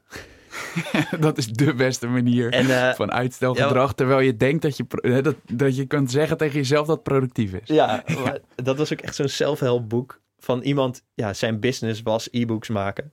Gewoon zo'n contentmachine eh, had dat geschreven. Maar ik had er wel wat aan. Die gast zei van, ja, laat, eh, zorg nou voor dat je 2000 woorden schrijft en je kunt altijd later wel editen. Ehm, en ik ging erover nadenken. En ik dacht, oh ja, want ik zit hier eigenlijk te werken en ik weet eigenlijk niet wanneer ik, wanneer ik een voldaan gevoel heb over dat schrijven. Ik weet niet hoe, hoeveel woorden mijn boek gaat zijn. Ik weet niet hoe, wanneer ik productief ben geweest eh, vandaag. Ja, soms heb ik wel een lekker gevoel. Denk, oh ja, dit was een goede dag. Maar dat had, ik op, dat had ik twee dagen achter elkaar niet meer. Drie dagen. Toen ging dat boek lezen. Toen stond erin, schrijf nou gewoon 2000 woorden per dag. Dan heb je, dan heb je in ieder geval iets. Gewoon een kleine, ehm, ja, een measure of zoiets. En toen ging ik dat doen. En dat voelde eigenlijk best wel chill. Want dan, ja, dan heb je 2000 woorden. En dan denk ik oké, dan kan ik daar eventueel later nog, kan ik dat weer editen. En de volgende dag weer 2000 woorden. En weer. Dus dat ga ik doen. Kan ik doen. Soms dan, eh, ja, word ik een beetje, ja, ik wil niet het woord depressief gebruiken. Maar daar heb ik echt zoiets van, jezus, hoe, hoe, ga ik hier nou uitkomen? Dan heb ik bijvoorbeeld op mijn blog al drie weken niks geschreven. En dan denk ik van ja, ja, er komt maar niks. Dus dan, ja, dan heb ik er echt geen antwoord op. Drie weken lang. Soms helpt het om gewoon boeken te lezen. En blijf je dan drie weken lang gefrustreerd? Of Ehm, komt er dan ook een moment dat je dan zoiets hebt van het is nu zoals het is of zo? Nee, in het begin eh, was die frustratie er wel. Maar nu heb ik zoiets van ja, da- dan maar niet. Omdat je Ja. nu al 31 bent. Ja, ja precies. Zo'n oude lul aan het. Nee, ja, waar, ja, ehm, ja, dat, eh, ja, dat kan toch. Want je bent bezig in anti-fragile. Ja. Ik ben, ik ben de hele tijd over aan het posten dat ik zo'n tof boek vind, maar ik ben echt nog maar net over de helft. Dus eh, Maar het is ook echt een killer van een boek. ja, klopt ja. Ja, het is echt een soort bijbel. Ik wil niet dat, ja, misschien moet ik het woord niet Waarom maak, gebruiken. want jij leest heel veel boeken. Eh, heb ik het idee. Of in ieder geval meer dan gemiddeld, ja, denk, ik. Ja, Ehm, en je hebt waarschijnlijk ook heel veel gelezen. Ja. Wat maakt dat dit boek zo'n goed boek is, volgens jou? Ehm, ja, de, We hebben Denk- het over Anti-Fragile van Nassim Taleb. Ja, ik denk, ehm, waarom maak ik dit mooi? Omdat het heel erg, sowieso, het onderwerp is voor mij direct te begrijpen. Wat is Anti-Fragile? Anti-fragile is eh tegenovergesteld van fragiel. Fra- Een fragiel iets is wat snel stuk gaat door chaos of stress. Ant- iets, wat, iets wat antifragiel is, wordt beter door chaos of stress. En voor mij was het heel makkelijk te begrijpen, omdat ik eh, het topic waar ik veel over schrijf was dus training en voeding en gezondheid en alles wat er omheen zit. En als jij eh, ehm, spiergroei wil veroorzaken, dus jij wil eh, gespierder worden, dan moet je dus voor zorgen dat jij je spieren ehm, ehm, stress laat ervaren. Dus krachttraining moet doen. En altijd iets meer dan dat je ervoor deed. Omdat je, je, je spieren passen zich aan. Ehm, en worden altijd iets sterk. Ze willen altijd een net iets grotere klap op kunnen vangen, om het zo maar te zeggen, dan wat je ze hebt laten ervaren. Dus door dat op regelmatige basis te doen en steeds iets meer, dan creëer je de spiergroei. En steeds iets meer. En op een gegeven moment bereik je wel ongeveer een plateau. Dat mag ik niet zeggen van Doan teken in, maar je bereikt een plateau. Dus dan moet je veel specifieker ehm, ehm, die stressoren gaan eh, loslaten. Nou, dat concept, dat, je, spier, je bent dus ook antifragiel. Want je moet krachttraining doen. Dat doet pijn en je, doet, je, je maakt je spieren kapot een beetje. Om te groeien, om beter te worden. Dus ik snapte dat direct heel goed. En do- omdat ik dat heel goed snapte. eh, want volgens mij is het best wel een pittig boek. Snapte ik dat. Ik kan niet heel veel meer dan vijf pagina's per keer lezen. Maar uit die vijf pagina's haal ik dan ook vervolgens weer zoveel waar ik een week over Ja. na kan denken. Ja, en dat is het volgende. Omdat hij zoveel. Hij laat zoveel. ehm, ehm, ja, hij geeft zoveel voor, voorbeelden of ingangen die leiden tot nieuwe gedachten. Dat het. Ja, het echt een. Eigenlijk is het een cadeautje als je het openslaat. En soms lees ik ook wel eens vijf pagina's en dat heeft iedereen wel eens. Dat je denkt van. Oké, wat de fuck heb ik eigenlijk gelezen? Ik zat er helemaal ergens anders aan te denken. En dan moet ik helemaal terug. Of ik ga helemaal niet helemaal terug. Ik ga gewoon verder. En eh, ja, zo kom ik dus steeds. ehm, net zoals het stuk wat ik beschreef op mijn blog over eh, procrastination, over uitstelgedrag. Dat hij zegt van ja, dat is eigenlijk best wel goed. Want ja, je kunt wel jezelf de hele tijd forceren en kunnen het- misschien het bruggetje slaan naar schrijven. Maar soms wil het gewoon niet. En dan het uitstelgedrag is eigenlijk alleen maar goed. Wat mensen heel vaak doen op de middelbare school, op het laatste moment leren. Want ja, als je dan toch die 5,6 haalt, ja, dan ben je toch eigenlijk super slim bezig. In Ja. het systeem wel. Nou ja, het is heel efficiënt. Ja, want het Ja. systeem is zo. Je moet een 5,5 halen, wil je voldoende hebben.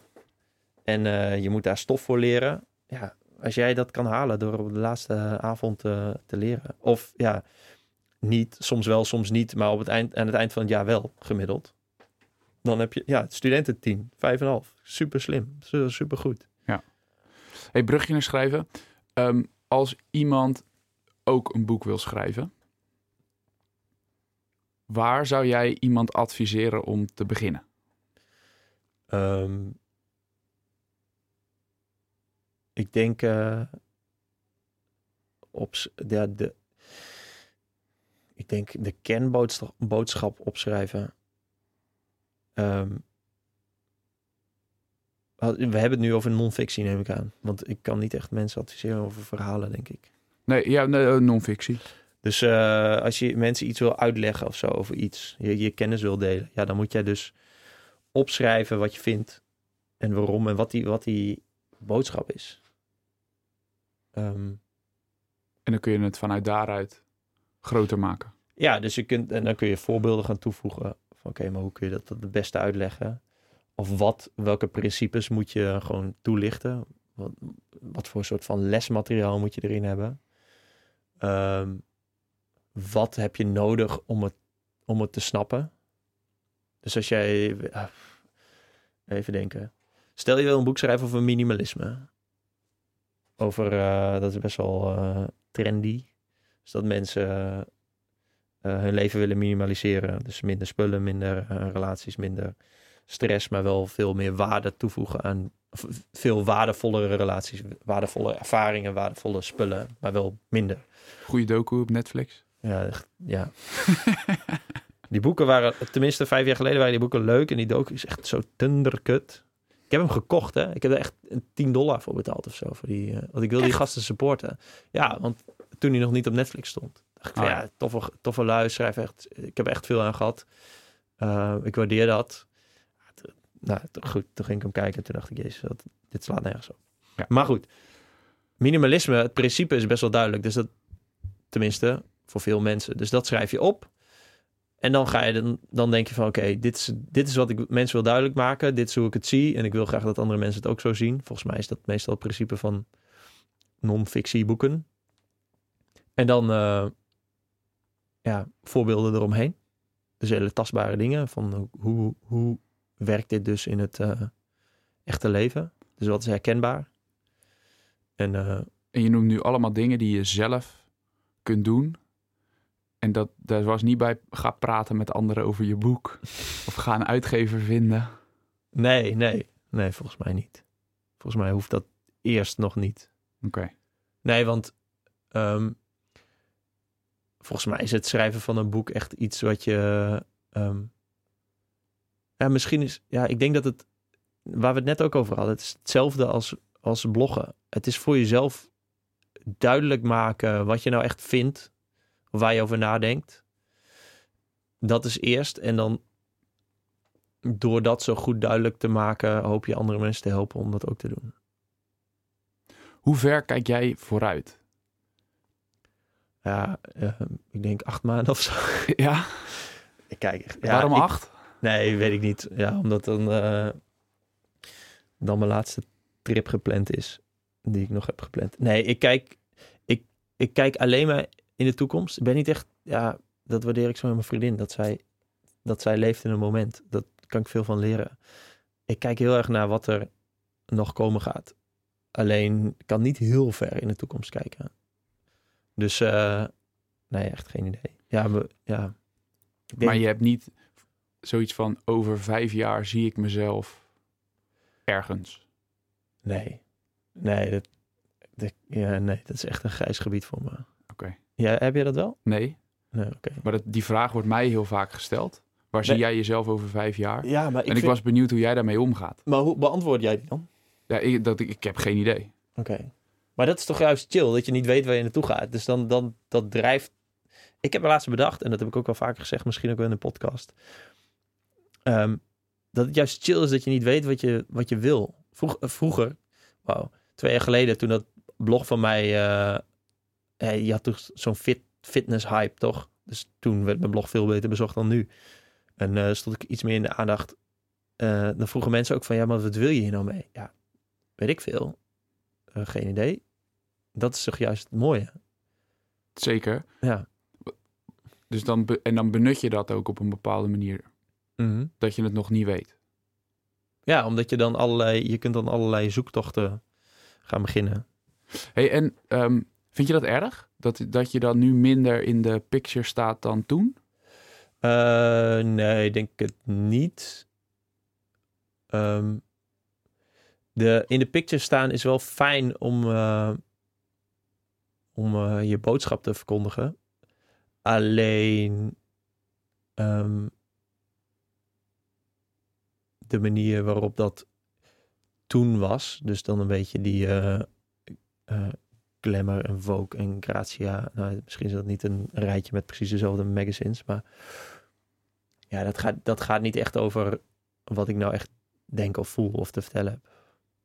Dat is meer van, ja, deze guy heeft steeds meer volgers. We doen een fotoshoot met hem. Ja. Dus ja, het is chill. Het, het streelt mijn ego. Maar eh, ja, het boeit niet zo heel veel. Dat is wat ik zeg. Ja, ik word, ik word blij van eh, als ik die zoektocht kan blijven doen. eh, wat nou belangrijk is en dat ik dat kan blijven posten. En ik word blijer van als ik een stuk tekst heb geschreven wat ik wa- waarmee ik het zelf beter snap dan dat ik een fotoshoot heb. Waar ga je de komende drie maanden mee bezig zijn nog? Of waar ben je mee bezig? Vooral het boek. Dat vind ik het eh, belangrijkst. Alleen, eh, ik kijk wel iets verder, omdat ik... eh, het boek is geslaagd als het boek er is. Dat vind ik tof. En dat gaat ook helemaal goed komen, want wa- ja, waarom niet? En dan denk ik van, oké, er zijn nog wel veel meer topics waar ik over wil schrijven. Ehm, en aangezien ik het zelf ga uitgeven, ja, moet ik dus een uitgeverij hebben. Dus ik vind dat ik een uitgeverij ga beginnen die Light heet. Omdat het een leuke betekenis heeft. Dus waar ik me mee ga bezighouden is ehm, kijken op welke manier de domeinen waar ik over schrijf, hoe ik die op mijn website het beste kan ehm, neerzetten, uitleggen en hoe ik dat het beste kan koppelen ehm, aan de boeken die nog gaan komen. Want ja, ik wil graag. eh,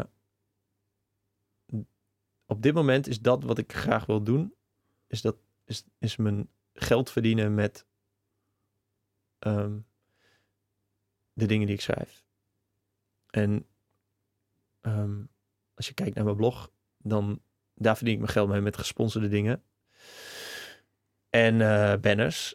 Nou, en gesponsorde dingen, ja, ik doe alleen dingen waar ik achter sta. Weet je wel, die disclaimer die iedereen zegt, dat klopt ook wel. Alleen ja, wordt, je wordt er niet heel gelukkig van. Dat draagt niet echt bij. En ik zou heel graag eraan willen werken dat ik geld kan verdienen met precies doen wat ik wil doen. En dat is schrijven.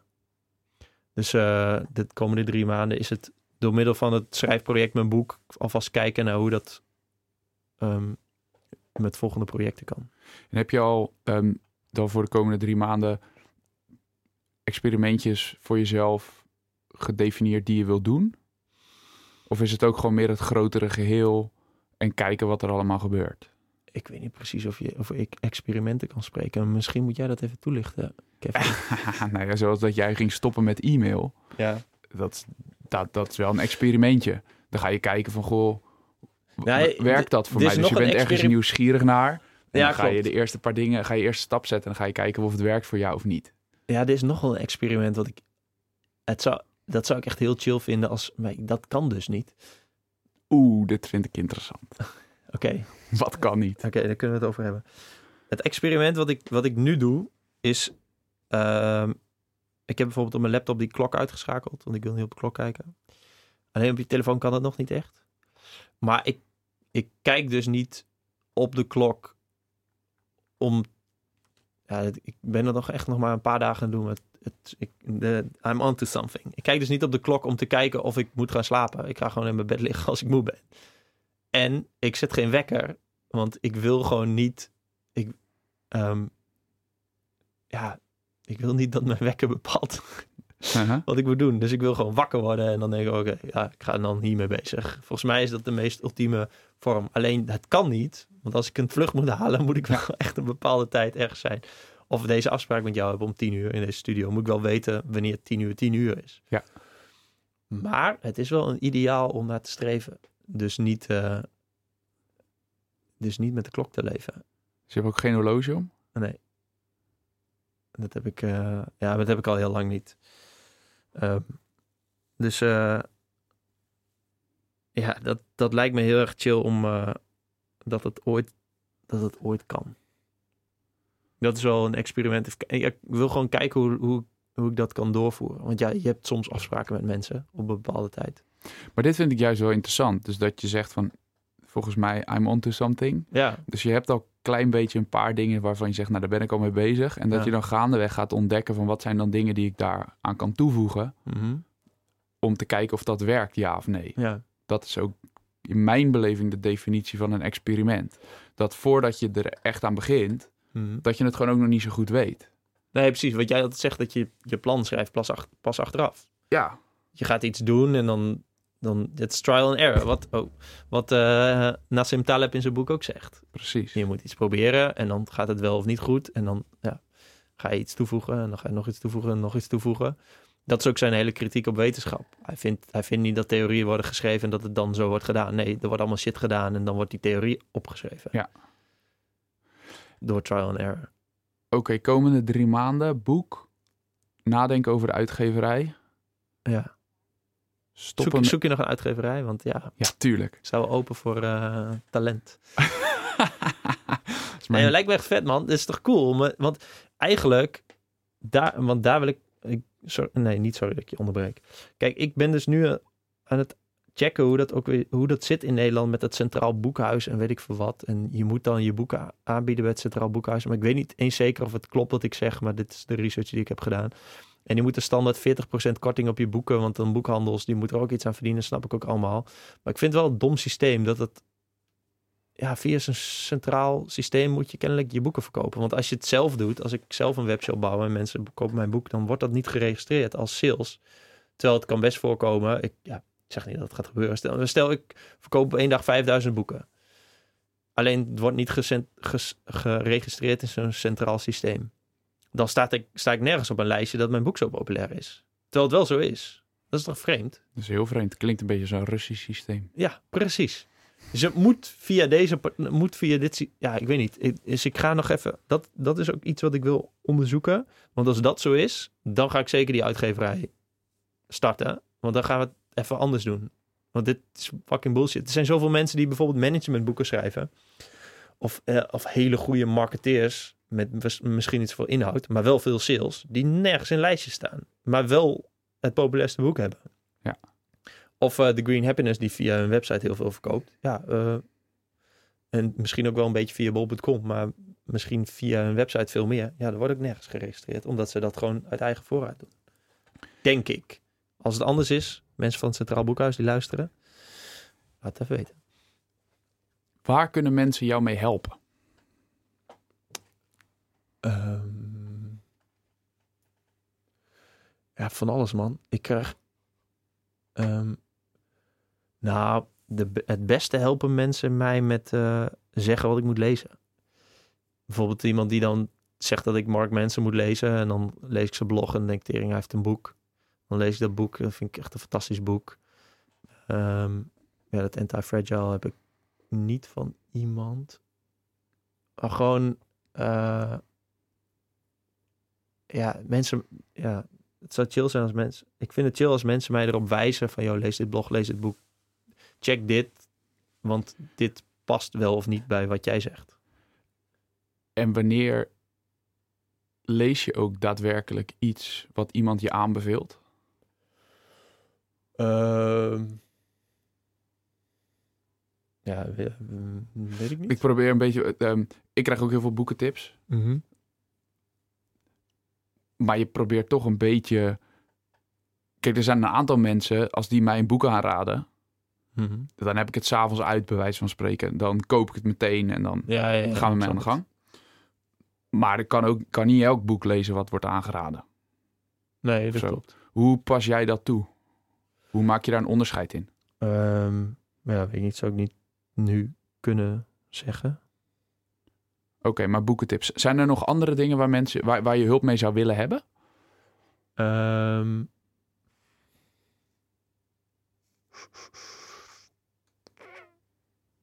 Ja, ik ben er zo slecht in, man, om hulp vragen. Dus ja, ik weet niet. Ik, kan- eh, Waarom ben je daar slecht in?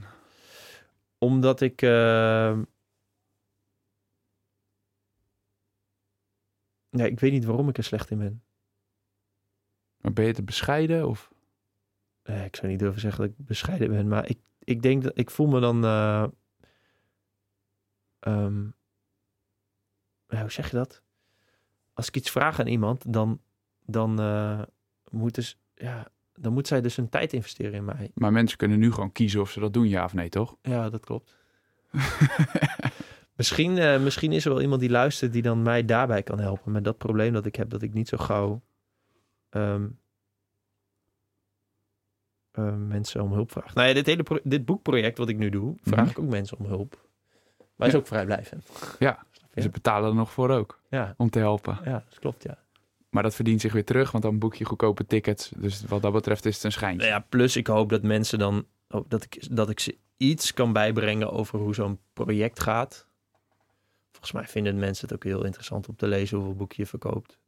En eh, wat je ermee eh, verdient, maar ook eh, ja, hoeveel geld je uitgeeft aan eh, Instagram marketing. Ja, maar ook gewoon hoe jij dingen doet. Kijk, dat is de hele reden waarom ik jou vandaag wilde interviewen. Omdat ik het leuk vind om uit te vinden wat jij, hoe jij dingen aanpakt. Om Ja. te kijken of ik daar zelf dan ook weer wat aan heb. Mhm. En ik denk dat heel veel mensen dat interessant vinden. En van een boek zie je altijd alleen maar het eindresultaat. Ja. Maar er zijn heel veel mensen die een boek willen schrijven. En, en wel eens mee zouden willen kijken met dat proces. Ja, nou ja, weet je, als, als we het hebben over die uitgeverij die ik wil beginnen, het zou vet zijn als alle boeken die er worden uitgegeven op deze manier gaan. Of dat het een voorwaarde is, weet je wel, zoiets zou ook kunnen. Of Oké, eh, ehm, weet ik veel, ik zie dan voor me dat je een website hebt of iets, eh, een aanbiedingsbrochure, nee, geen papier, een website hebt waarbij je ehm, ja, inderdaad een, een proces kunt supporten alvast voor dezelfde prijs als het boek is. Dus dat je mee kan kijken of weet ik veel, iemand wil iets schrijven of iemand wil een roman schrijven en eh, moet research doen of doet een historische roman, die doet research. Nou, dan kun je daarbij helpen, weet je wel. En dan, dat is toch vet. En natuurlijk gebeurt dat wel op Kickstarter, denk ik. Ik heb het trouwens nog niet, eh, nog niet gecheckt. Maar dat, dat zou toch cool zijn. Net zoals jij, jij doet het ook op die manier. Je schrijft je boek ook. Ja, ik, eh, ik heb volgens mij, ik heb je toch een foto gestuurd van Anti-Fragile. Van, joh, dit, dit stuk moet je eventjes eh, Ja. lezen. Of sowieso moet je dit boek lezen. Ehm, maar dat is cool. Zeker weten, het is ontzettend nuttig dat mensen je tijdens dat je nog ergens mee bezig bent op weg kunnen helpen.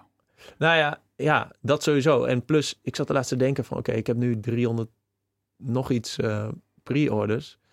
Ja, je kunt...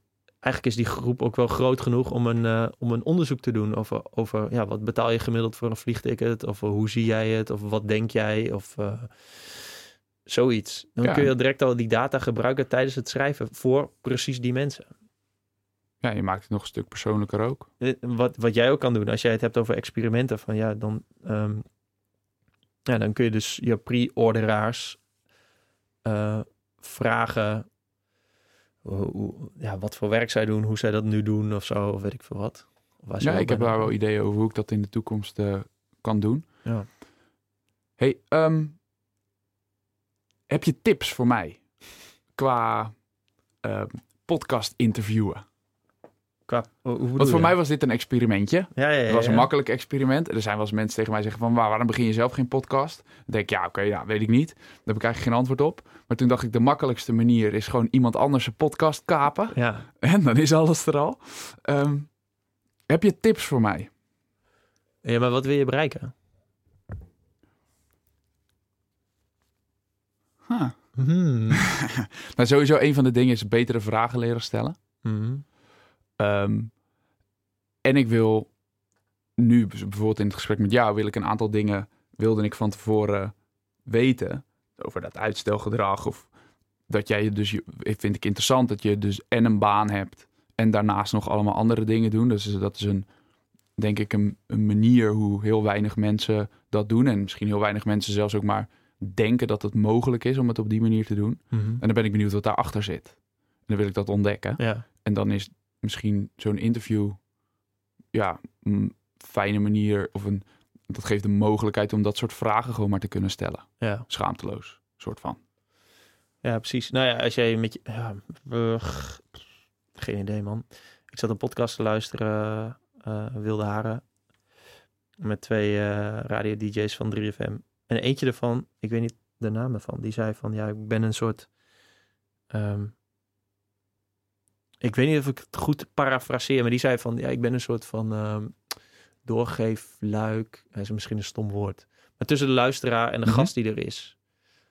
Alleen, ehm, ja, dat vind ik dus. En ik snap dat dat bij 3FM zo is. Maar als jij bijvoorbeeld nog meer mensen zou willen interviewen, dan zou ik gewoon de hele tijd alleen shit vragen die je zelf belangrijk vindt. En, Ja. en helemaal niet denken aan wie zijn de mensen die mijn blog lezen of mijn eh, podcast luisteren en wat zouden zij willen weten. Nee, zij volgen jou omdat zij er iets aan kunnen hebben hoe jij denkt. Niet, het is niet andersom, want dan... eh, Ja, dus blijf, di- blijf dicht bij jezelf, Kevin. Nee, maar dat is toch tof? Je, je hebt zelf... Kijk, jij staat op met gedachten, of je speelt met een gedachte, bijvoorbeeld, eh, weet ik veel, een week lang, of je hebt een idee. Ja, ga dan daar vooral. en doe gewoon je eigen shit. Oké. Dus, dus als jij, ja, het zou toch vet zijn als jij eh, nu met je boek bezig bent over het experimenteren. Nou, je hebt je outline, ben je nu mee bezig, zeg je. Waarom ga je niet per experiment, nee, je hoeft niet één op één, maar per experiment iemand vinden die daar iets over kan vertellen. Misschien heb je wel twintig topics en dan straks twintig gesprekken met mensen die, eh, die jou daarmee iets meer over kunnen vertellen. Heb je ook weer extra content voor de mensen die je boek kopen. Zeg je, yo, wil je meer weten? Luister dan deze twee uur durende podcast. is toch cool? Zeker weten. En eh, ik spreek me vaak, mezelf vaak tegen. Van ja, daarmee deze podcast ook. Ik weet het ook niet. Want ja, je hebt, je hebt toch heel vaak zo'n yin-yang gedachte. Van Mhm. ja, het is dit. Maar het kan ook net zo goed dit zijn. Ja, het is altijd afhankelijk ook van de situatie waarin je op dat moment zit. Ja, dus volgens mij moet je gewoon, terwijl je aan het denken bent, blijven lullen. En dan waarschijnlijk, ja, soms komt er een, een van de kutverhaal uit. Maar ja, dat is ook goed. Ja, Ja. weet je. Het hoeft niet allemaal, eh hoe heet dat, eh, gepolijst te zijn. En kloppen. Is er nog iets wat je wilt delen? Waar we het nog niet over gehad hebben? Eh, waar we het nog niet over gehad hebben. Ehm. Nee, maar ik zou het wel, ik, eh, ik zou het wel cool vinden als er mensen, ehm, als er mensen een boek willen schrijven, dan moeten ze wel eventjes, eh, en ze vinden het, het idee van de uitgeverij Light, waarin je dus boeken schrijft op de manier zoals jij en ik hem schrijven. Eh, als ze dat wi- zouden willen doen, ja, dan vind ik het wel cool om daarover na te denken. Of we dat, ja. Of En hoe dat- kunnen ze dat dan laten weten? Ja, via Twitter, niet via e-mail. Ja, twitter.com slash Jelme de Boer. Ehm, ja, of als je mijn nummer hebt, eh, stuur me een WhatsApp bericht. Ja. Maar dat is cool, man. Ik, eh, ja, dat, ik, ik vind dat... ehm, nee, ik weet, het, ik weet niet precies zeker hoe dat zit met het Centraal Boekhuis. Dat is nog echt, echt iets wat ik zeker, zeker wil weten. Over hoe dat gaat met, eh, met boeken. Want je hebt natuurlijk ook ehm, heel veel boeken die in die lijsten komen, in die bestsellerlijsten komen, omdat ze gewoon zelf heel veel boeken van zichzelf kopen. En dan uitsturen naar allemaal losse adressen. Waardoor ze dus hoog in de lijst komen. Waardoor ze dus weer populairder worden. En, Maar puur het feit omdat je, je hebt daar al een beetje onderzoek naar gedaan. Ja. Maar het is zo diffuus. Want je weet het nu nog steeds niet. Nee. Puur dat dat al zo is, is misschien aanleiding genoeg. Ja, maar dat hou ik het liefst bij mezelf. Dan had ik maar beter onderzoek moeten doen. Nee, ik, in mijn vermoeden is dat het een heel wazig systeem is. Of een heel... Ik weet niet wat diffuus betekent. Dat het, dat het een beetje troebel is. Oh, Dus dat het lastig, ja, wazig. troebel, ja, wazig. Eh, ja, Niet, dat, niet duidelijk. dat is mijn vermoeden inderdaad. Ehm, dat het... Nee, dat het een raar, een niet klop, niet logisch systeem is. Daar wil ik achter komen. Ehm, ja, en als, dat, en als het zo is zoals ik denk dat het is, dat je inderdaad dus per se je boek moet uitgeven via het Centraal Boekhuis, omdat je dan in lijstjes komt en dat dan eh, verkopen worden geregistreerd. Ik snap ook wel dat die verkopen geregistreerd moeten worden via een, een kanaal. Ehm, maar als dat zo is, dan, eh, dan I'm on to something again. Yes. Ja, Jammer. ja, Thanks dat ik je podcast mocht lenen ja. om jou te interviewen. Ja, vond het leuk. Lekker over mezelf praten. Goed. nee, thanks. En ehm, dat was het eigenlijk. Hoe rond je een podcast af? Ja, Wanneer kies jij, wanneer kies jij normaal gesproken dat het klaar is? ja, als het gesprek een beetje... Maar daar wilde ik voor zijn, want ik heb, ik heb, ik heb hier Nee, ja, over wat het is dingetjes wel kan echt een praten. goed moment, man. Nee, weet je, ik, ik studeerde vro- vroeger communicatiewetenschappen. En je hebt, je hebt eh, gespreksanalyse. En dan, moet je, en dan heb je dus een audiobestand. En dan moet je dat helemaal gaan transcriberen. En dan, wat ik heb geleerd, is dat je dus heel vaak aan het toon... En vaak bij telefoongesprekken, aan het toon kun je dus horen... Dan, dan weet je ongeveer, oké, nu, Nu gaan we... Oké, is goed. Oké, ja, schrik je maar. Oké. En dat is een beetje zo'n toon. Ehm, en ik, ik wil dus weten of dat in podcast of in een langere gesprekken, zoals nu zijn wij eh, ongeveer anderhalf uur bezig, of dat ook zo is. Of je dan dat zoiets kan vinden, waardoor dus wij allebei, zonder dat wij tegen elkaar zeggen, doorhebben van oké, nu, is het al- nu is het al een beetje klaar. Nee, maar ik had een beetje het idee, ik heb niet eens op de tijd gelet. Eh, een beetje in, naar aanleiding van jouw ex- experiment van nu. Ja. Maar dat ik dacht, oké, anderhalf uur is mooi. Want als je drie kwartier heen, drie kwartier terug in de auto, dan kun je dit mooi luisteren. ja, ja, precies. Hè, Ik dus weet niet dat- waar je naartoe rijdt in drie kwartier, maar eh, ja. Nou, of in de trein. Ik, ik Ja. weet niet. Ik heb altijd het idee dat als ik ergens heen moet, dat het altijd ongeveer drie kwartier is. en dan kan je, dan kan je, dat, dan kan je dat precies luisteren. ja. Ehm, en mochten er dan nog weer vragen zijn, dan kunnen we misschien altijd nog een keertje doen. Ja, Ehm, maar dank voor je tijd. Ja, jij bedankt voor de invullingen ehm, van. Mochten mensen dus mee willen doen met, de met de uitgever of een boek uit willen geven, dan eh, laat het even weten aan Jelmer via Twitter. Ja. Kunnen we jou nog ergens... eh en nu Ja, kaap ik je Ja, afsluiten. dat komt wel in die show notes of zo. Ah, oké.